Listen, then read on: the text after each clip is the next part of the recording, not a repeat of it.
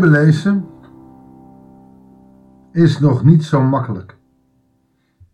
Ook als je de Bijbel leest gewoon in de Nederlandse taal, is het nog niet zo makkelijk. Als je dan ook nog de Bijbel in gewone taal neemt, omdat dat makkelijker leest, wordt het steeds moeilijker. Want wat heel moeilijk over te brengen is in geschreven taal,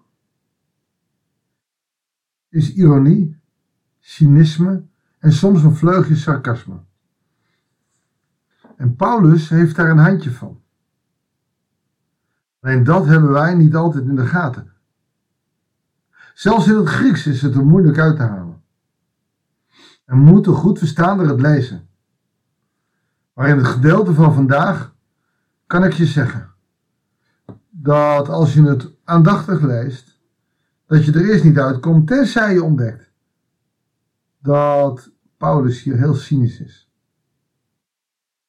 Hij schrijft in de brief aan de Corinthiërs hele scherpe spullen. Omdat de Corinthiërs zichzelf nogal hoog hebben. En het moeilijk vinden om dienend leiding te geven. Daarom schrijft Paulus met name ook de brief aan de Corinthiërs. Wetenschappelijke mensen die denken dat ze heel wat zijn.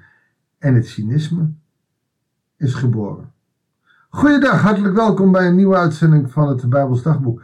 We lezen uit 1 Corinthiërs, hoofdstuk 4, de versen 1 tot en met 13. Ik hoop dat je meeleest. Een spannend gedeelte van het eerste gedeelte, dus ik hoop dat ik het binnen de 10 minuten red is sowieso een therapeutisch gebeuren. Men moet ons beschouwen als dienaren van Christus. Het gaat niet om Paulus, het gaat niet om wie dan ook. Het gaat om dienaar zijn van Christus. Daarin is hij één, ook met de andere apostelen. Het, men moet ons beschouwen als dienaren van Christus aan wie dan wel weer het beheer over de geheimen van God is toevertrouwd. Van iemand die deze taak vervult, wordt verlangd dat hij of zij betrouwbaar is. En nou komt het. Maar hoe u een menselijke instelling over mij oordeelt, doet er voor mij niet toe. Dus hoe de wereld over me oordeelt, hoe de kerk over me oordeelt, doet er niet. Hoe ik over mezelf oordeel, telt even min. Er lopen heel veel mensen, ook in deze tijd, rond met een slecht zelfbeeld of een opgeblazen beeld of moeilijk en moeilijk en moeilijk en moeilijk. En dan wordt er wel eens gezegd, oh joh, je moet lak hebben aan wat de wereld zegt. Ja, maar dat kan ik niet, want dit en dat. En, en het klinkt al wat negatief. Paulus zegt er is, is hier heel duidelijk in. Hij zegt, hoe de wereld over mij denkt, of hoe de kerk over me denkt, of hoe jij over me denkt, doet er voor mij niet toe. Maar hij gaat nog verder. Hoe ik eh, over mijzelf oordeel, evenmin. Je zou kunnen zeggen dat gaat over het geestelijk gehalte, over wie je bent als mens, jouw identiteit. Maar het geldt Net zo goed als als je staat voor de spiegel en jezelf ziet. In beide gevallen trekken wij ons nogal aan wat de wereld over ons zegt, wat anderen over ons zeggen. En zelfs wat we zelf van onszelf zeggen. Ik kom mensen tegen die zeggen, oh ik stel niks voor. Ik ben niks, niemandal. En Paulus zegt zelfs dat mag ertoe doen. Nee, helemaal niet. Ik wil dat je daarmee stopt. Het maakt me niet uit hoe anderen of jezelf over je oordeelt. En dan in het tussenzinnetje zegt, ik ben me weliswaar van geen kwaad bewust.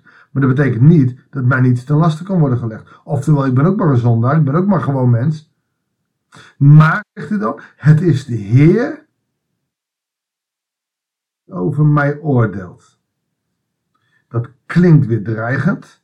Uh, ik lees nog wel eens in een PKN-gemeente gemeente de Apostolicum of de geloofsbelijdenis van Nicea. En daar staat ook in hij die komt om te oordelen de levenden en de doden.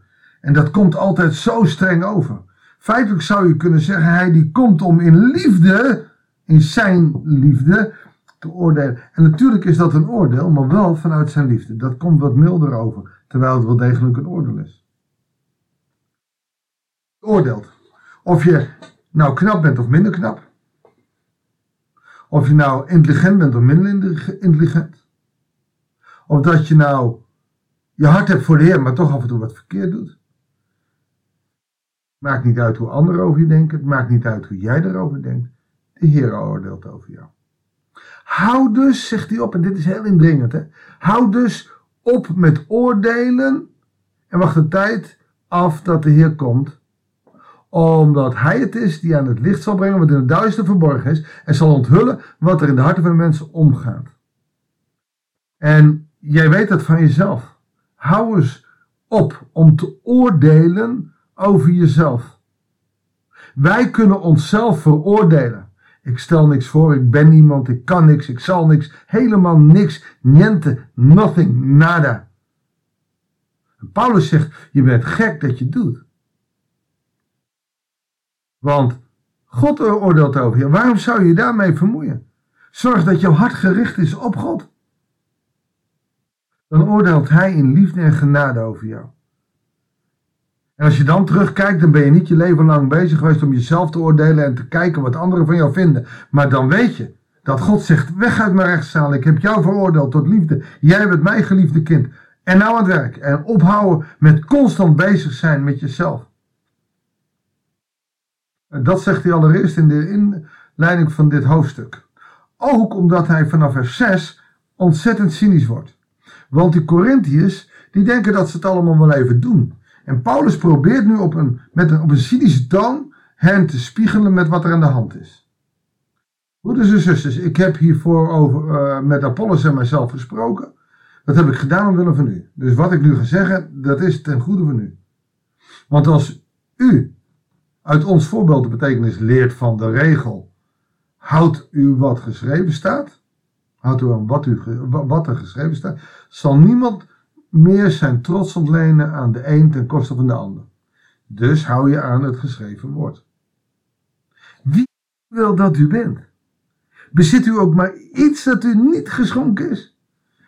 Alles is u geschonken, oftewel wetenschappelijke, um, maatschappelijk um, hoogstaande lieden van Korinthe. Niks is van jezelf. Je hebt het allemaal gekregen. Alles is u geschonken, dus Waarop schept u dan op alsof u het zelf verworven heeft? Maar natuurlijk, u bent al helemaal verzadigd. U bent al rijk. En anders dan wij bent u al koningen geworden. Hoor je de cynisme? Zegt hij dan, was dat maar waar?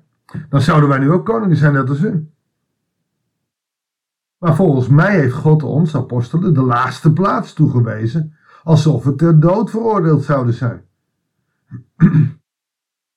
We zijn voor heel de wereld, zowel voor de engelen als mensen, een schouwspel geworden. Oftewel, hij ergert zich hier aan de Corinthiërs die zichzelf hoog stellen. En de apostelen die dus de dienstbaarheid hebben, als zijn de, nou, de minste. En hij pakt het op en zet het dus in het schouwspel van de spelen.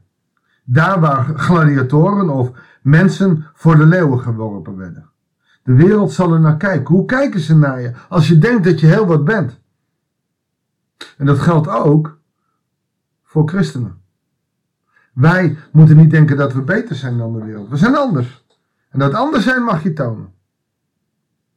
Wij, zegt hij dan dan weer cynisch, zijn dwaas omwille van Christus, terwijl u dankzij Christus zo geweldig wijs bent. Wij zijn zwak, Terwijl u zo geweldig sterk bent. U staat enorm in aanzien, terwijl wij worden veracht.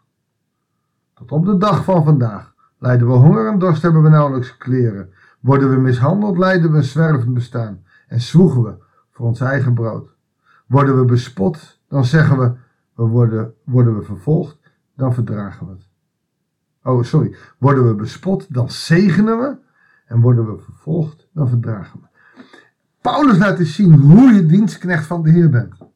Dat ze die minste willen zijn. En als je dus bespot wordt, dan zegen je. Maar wat doen de Corinthiërs? Ze zeggen, nee, weet je wel tegen wie het hebt. Ik ben wel een christen hoor. En ik heb wel de genade. Dus wie denk jij dat je bent? Nee, zegt Paulus, wie denk jij dat je bent?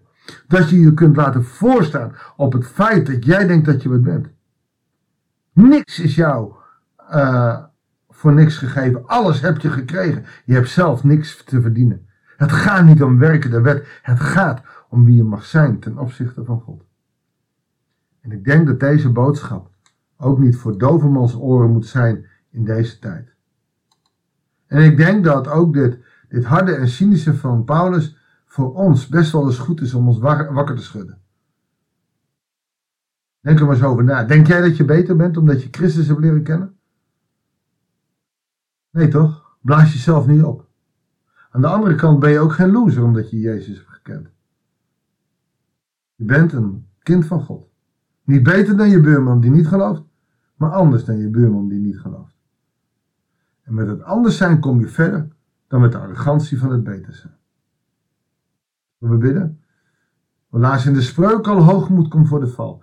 Heren, en ook christenen hebben moeite om die hoogmoed niet los te laten. Om de ik niet los te laten. Dank u wel dat wij kinderen van u genoemd mogen worden. En dat wij dankzij u worden opgetild, omdat wij niet zoveel zijn, maar dat u veel bent. Maar dat u ons optilt en ons zegent en ons de positie geeft die we ons mogen toe-eigenen. Dank u wel voor uw liefde, voor uw genade. Dank u wel dat u ons ziet. Heer, dit danken wij en bidden wij u. In Jezus' naam. Amen. Dankjewel voor het luisteren. Ik wens je van harte God zegen en blijf alsjeblieft met beide voeten op de grond staan.